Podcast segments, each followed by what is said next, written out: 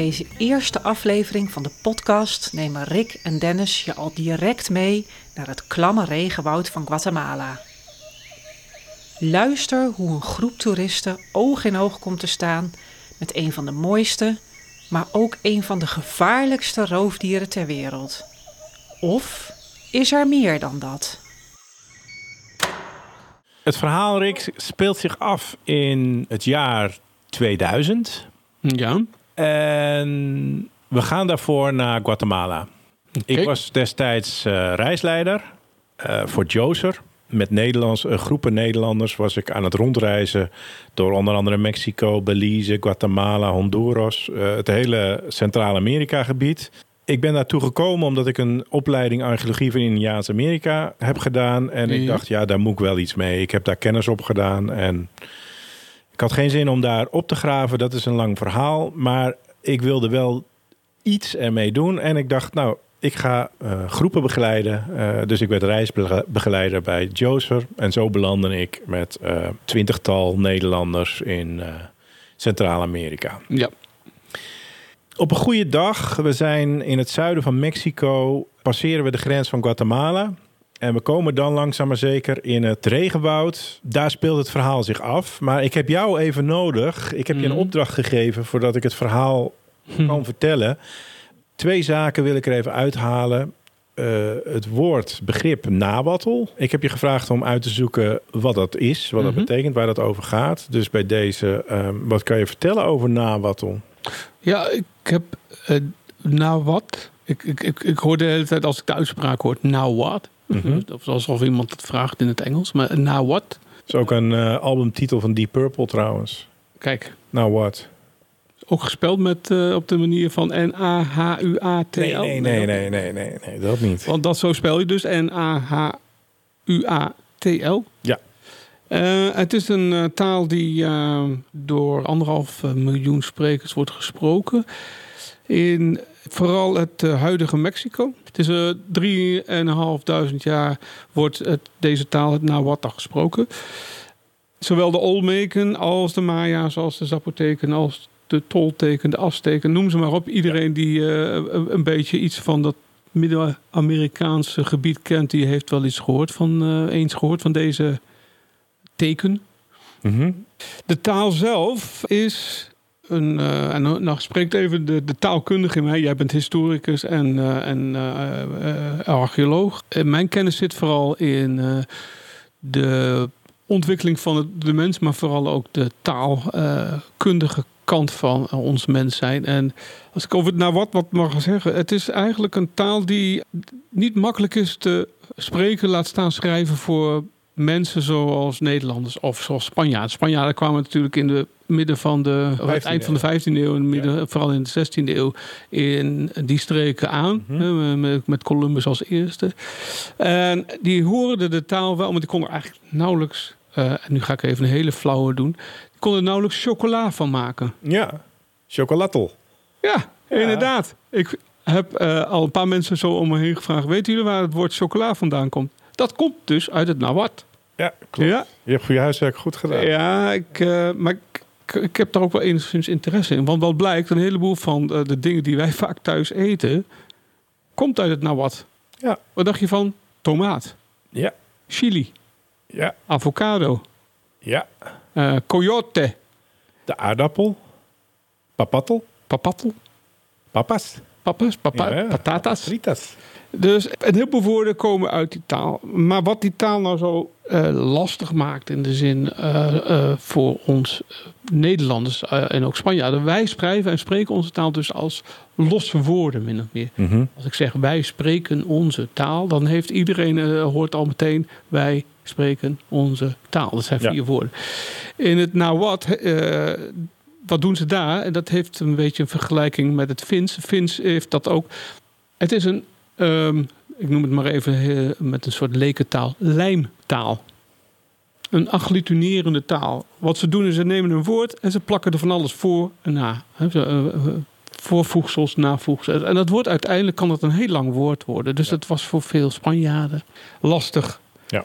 te verstaan, te spreken, te schrijven. En er, er is trouwens een Franciscaan Een, ehm, een, eh, is het een priester of een monnik? Wil ik even Monnik, denk ik. Monnik? Ja. Die eh, heeft zich eh, als een van de eerste als doel gesteld om het nou wat op schrift te stellen. Dus die, die heeft in de 16e eeuw daar toch wel veel aandacht aan besteed. En het nou wat heeft eh, eh, verder als kenmerk dat het niet zozeer een schrift is zoals wij het kennen, met letters. Hoewel dat later wel veranderd is, maar het is een taal die in een soort rebusachtige, ja, ik stel me dan hieroglyphenachtige schrifttekens eh, eh, wordt eh, neergepend. Het is een lingua franca in eh, meso. eh, Kijk, eh, Dat, dat is een mooie eh, eh, conclusie. Dus het is eigenlijk van oudsher de taal die in het gebied gesproken, ja, gesproken ja, ja, ja, ja. Oké, Da- dan weten we eventjes wat nabatel is. Want dat heeft te maken met de verklaring van wat ons straks staat te gebeuren. Mhm. En Interessant. omdat het verhaal zich afspeelt op de weg naar een archeologische site, Ja. een, een Maya-site in Guatemala, dat is de site Tikal. Heb ik je ook gevraagd om eh, te kijken van eh, wat weet je van Tikal? Of kan je iets eh, vertellen over Tikal? Tikal. Ja. Tikal is een stad in Guatemala. Het wordt verondersteld om een van de machtigste steden te zijn geweest ten tijde van de Maya's.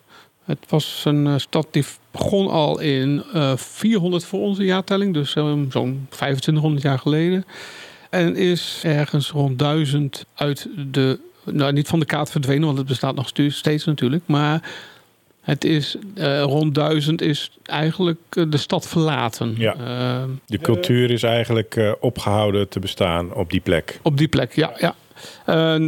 De stad zelf bestaat uit heel veel tempels en eh, piramides. Ik, ik associeer ook, ik ben nog nooit in Mexico geweest.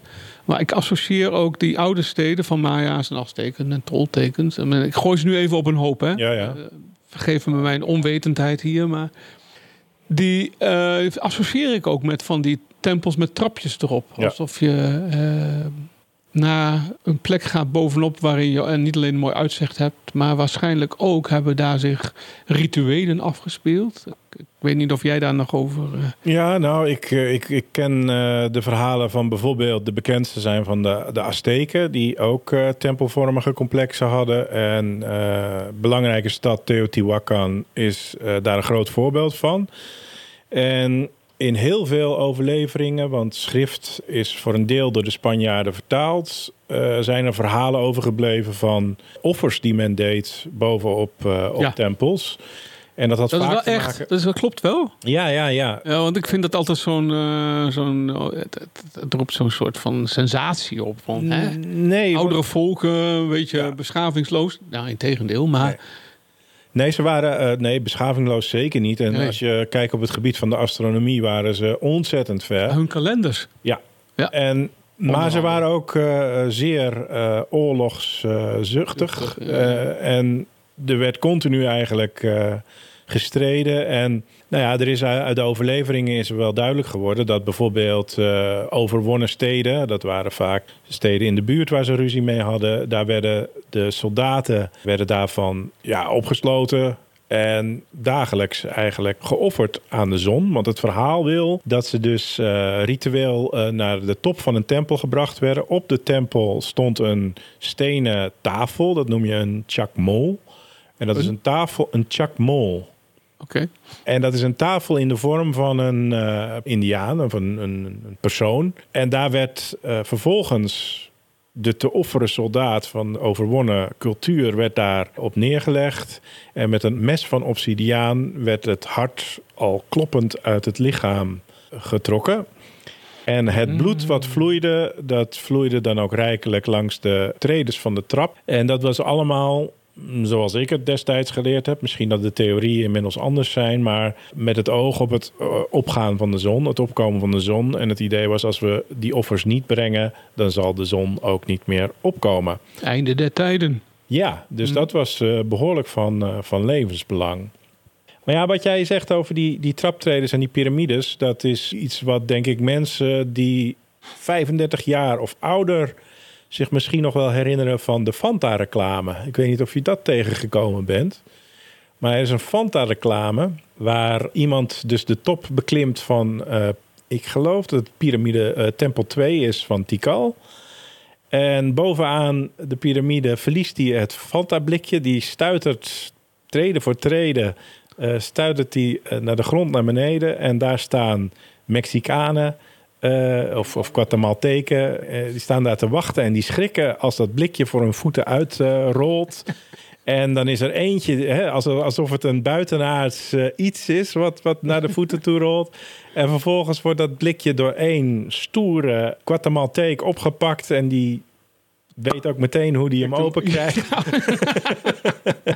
Zie je helemaal voor je. Je komt een totaal onbekend voorwerp tegen en Ja. je trekt ergens aan. En En het werkt. En, en hij neemt ook een slok, gewoon zonder even te ruiken of wat dan ook. Nee, hij neemt een slok en de wereld verandert voor die mensen. En, maar dat is een hele bekende reclame geweest in de jaren negentig misschien. in Nederland? Ja, zeker. In Nederland werd hij ook... eh, Jeetje, Ja, want- ik ben zo'n reclamefreak en het zegt me niks. Maar als ik hem weer zie, denk ik wel... Oh, ja, heb nou, ik je- nooit geassocieerd met Qualtemezen. Hij staat wel ergens op YouTube. Maar het grap, of daar, waarom ik daaraan moet denken is dat ik kwam in 2000, 2001 eh, Daar? kwam ik daar in Tikal. Ja. En daar was altijd de vraag uit de groep: kun je me zeggen welke tempel de, de Fanta-reclame is opgenomen? en dan, ja, dat is tempel 2. En Oh, daar werd dan eh, even wat fotootjes geschoten natuurlijk. Eh, de ligging van Tikal is eigenlijk midden in een tropisch eh, regenwoud.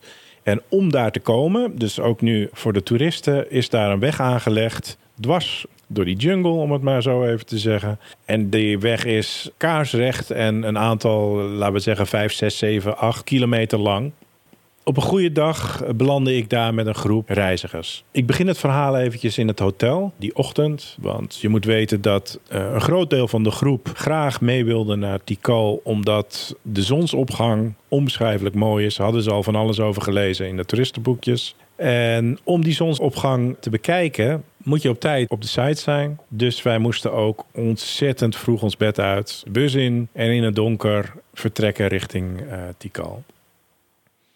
Goed, zo gezegd, zo gedaan. De wekker ging eh, om een uur of drie voor mij. Om een uur of vier stapten we met z'n allen de bus in. En vertrokken in alle donkerte eh, richting Tikal. En we waren net de Mexicaanse grens de dag ervoor overgegaan. Wat betekende dat ik van bus wisselde en ook van buschauffeur. Dus ik had een nieuwe buschauffeur. En in dit geval was dat Alex. En Alex was een Guatemalteek. En die bracht ons dus, zijn eerste ritje met ons was eh, van het hotel naar Tikal. Voor mij dus een nieuw eh, persoon achter het stuur. En als reisleider is het belangrijk dat je een goede band hebt met de man achter het stuur. Want hij is lokaal. Ja. Hij weet hoe laat je moet vertrekken. Hij weet waar je met de groep een hapje kunt eten enzovoorts. Dus hij is van groot belang. Dus terwijl in alle vroegte de twintig man achter mij eh, langzaam weer in slaap sukkelden, nam ik het moment om een beetje te bonden met, eh, met Alex. Dus ik begon met hem te kletsen. We gingen elkaar een beetje leren kennen. Jullie spreken, of jij spreekt ook Spaans. Ja, ja, dat gebeurde in het Spaans. Nou ja, goed over koetjes en kalfjes. Tot het moment dat wij die bewuste dag de bocht links nemen en beginnen aan de lange weg eh, door het regenwoud richting Tikal. Nou, je weet, tropische klimaten die zijn vochtig en die zijn warm. En dat zorgt er 's morgens voor dat een behoorlijke laag mist over de weg valt. En die morgen was dat niet anders. Dus wij reden de weg op en we zagen in de koplampen vooral mist en links en rechts jungle. En dat was het moment dat Alex mij vroeg of ik een verhaal wilde horen. En we rijden nu in de bus. We rijden nu in de bus. De twintig reizigers Ja. achter jullie. En jij Ja. zit voorin, neem ik aan. En Ja. zit naast hem. Ja. Ja. en hij, hij begon omdat hij zegt precies hier dezelfde omstandigheden als nu. Hè, jungle links, jungle rechts en eh, mist in de koplampen. Hij zegt dat was een aantal jaren geleden was dat niet anders. En toen reed ik hier, net als nu, met een groep mensen eh, van Joser, met een Nederlandse reisleider. Ook om de zonsopgang in Tikal te bekijken. Nou, ik zeg, vertel maar. Hij zegt, nou, we reden hier en er overkwam mij iets waar ik al jaren op hoopte, maar wat me nog nooit was overkomen. Hij zegt, we rijden en op een bepaald moment zie ik rechts van de weg zie ik iets bewegen en ik begin alvast een beetje te vertragen. Ik haal mijn voet van het gaspedaal En ik kijk nog eens goed en langzaam maar zeker zie ik vanuit de jungle een jaguar de weg oplopen. We zijn met stomheid geslagen, want ik heb al die jaren dat ik hier werk nog nooit een jaguar gezien. Die zijn heel zeldzaam om die tegen te komen. Dus ik was, hè, mijn hart begon meteen te kloppen. En hij zegt, ik pak mijn camera, ik maak een foto. En de reisleider die was achter mij langzaam maar zeker iedereen een beetje aan het wakker trommelen van jongens, loop even naar de voorkant van de bus, want uh, er zit een jaguar voor de bus.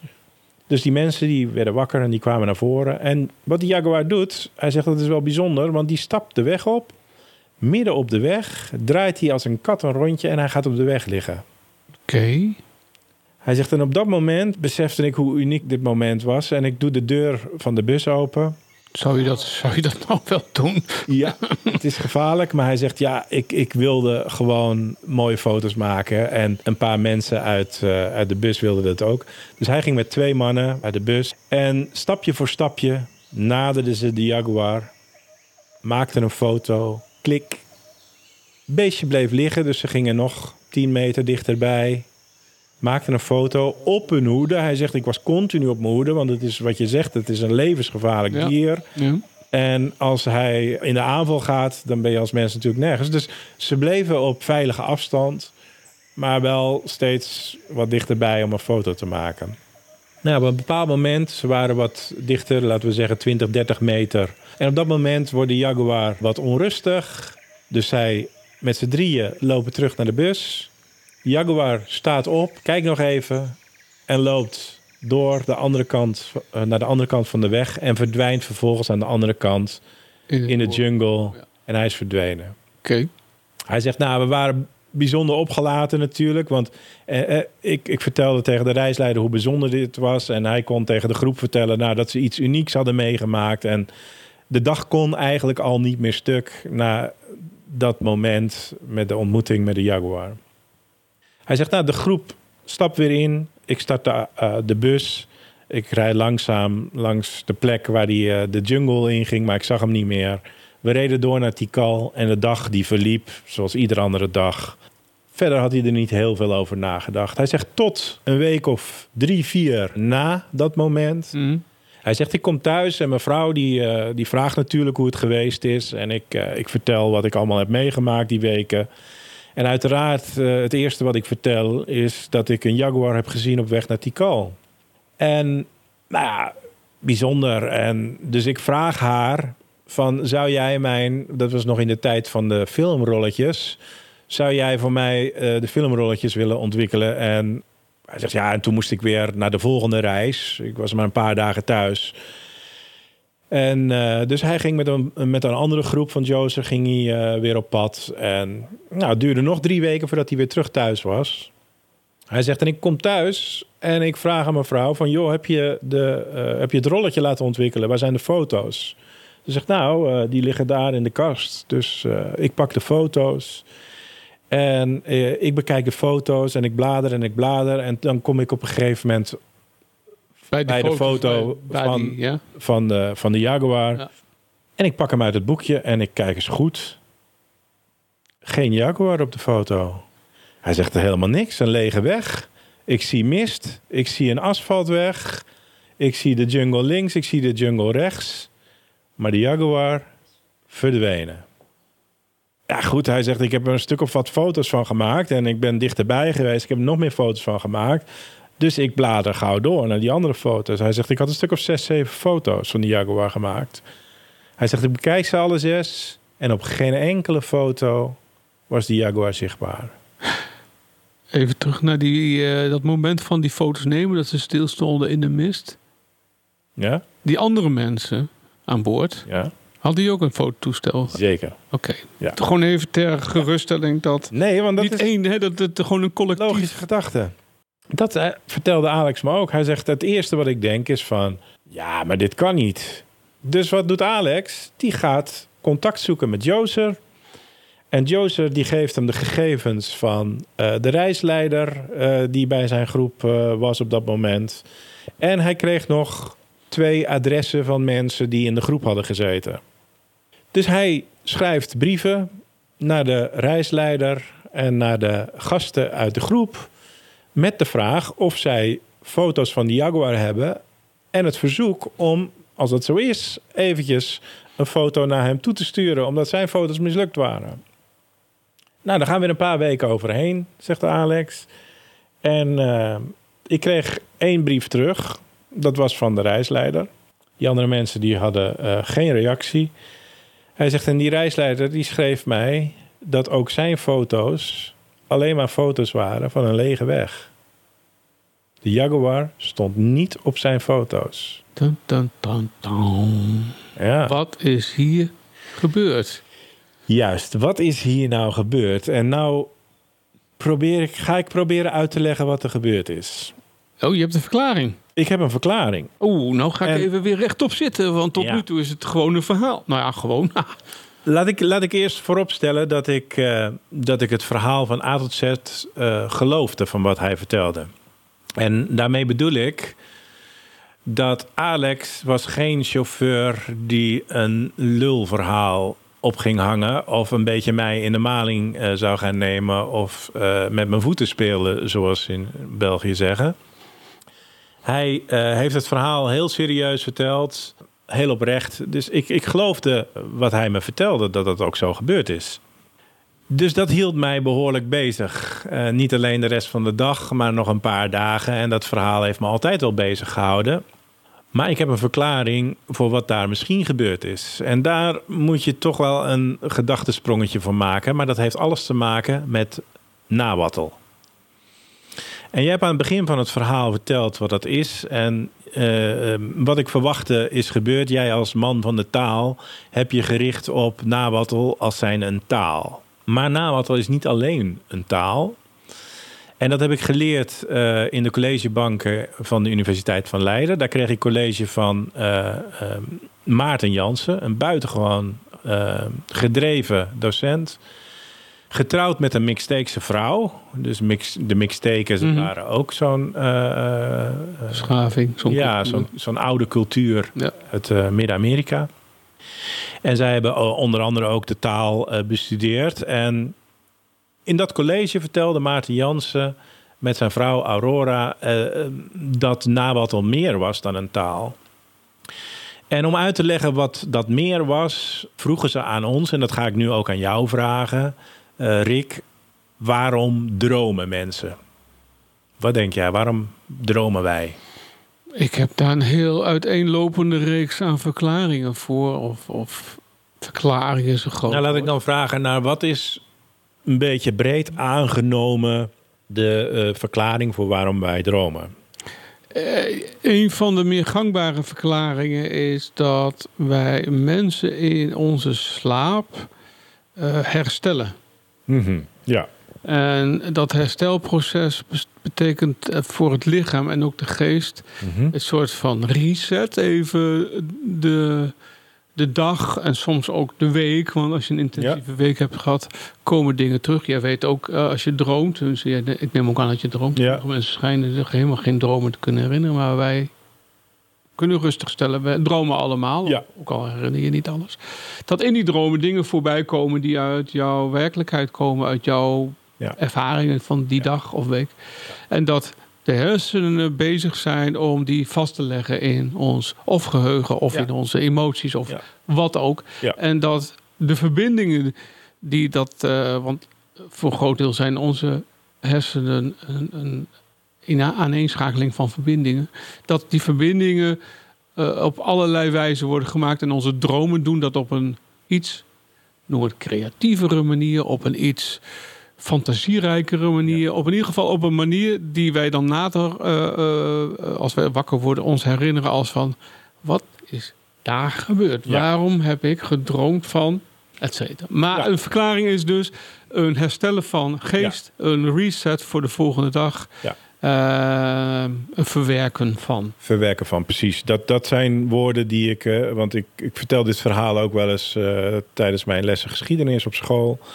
En dan krijg ik heel vaak van leerlingen... hè, inderdaad het verhaal van het verwerken van... Mhm. de gebeurtenissen die je misschien de dag ervoor hebt beleefd.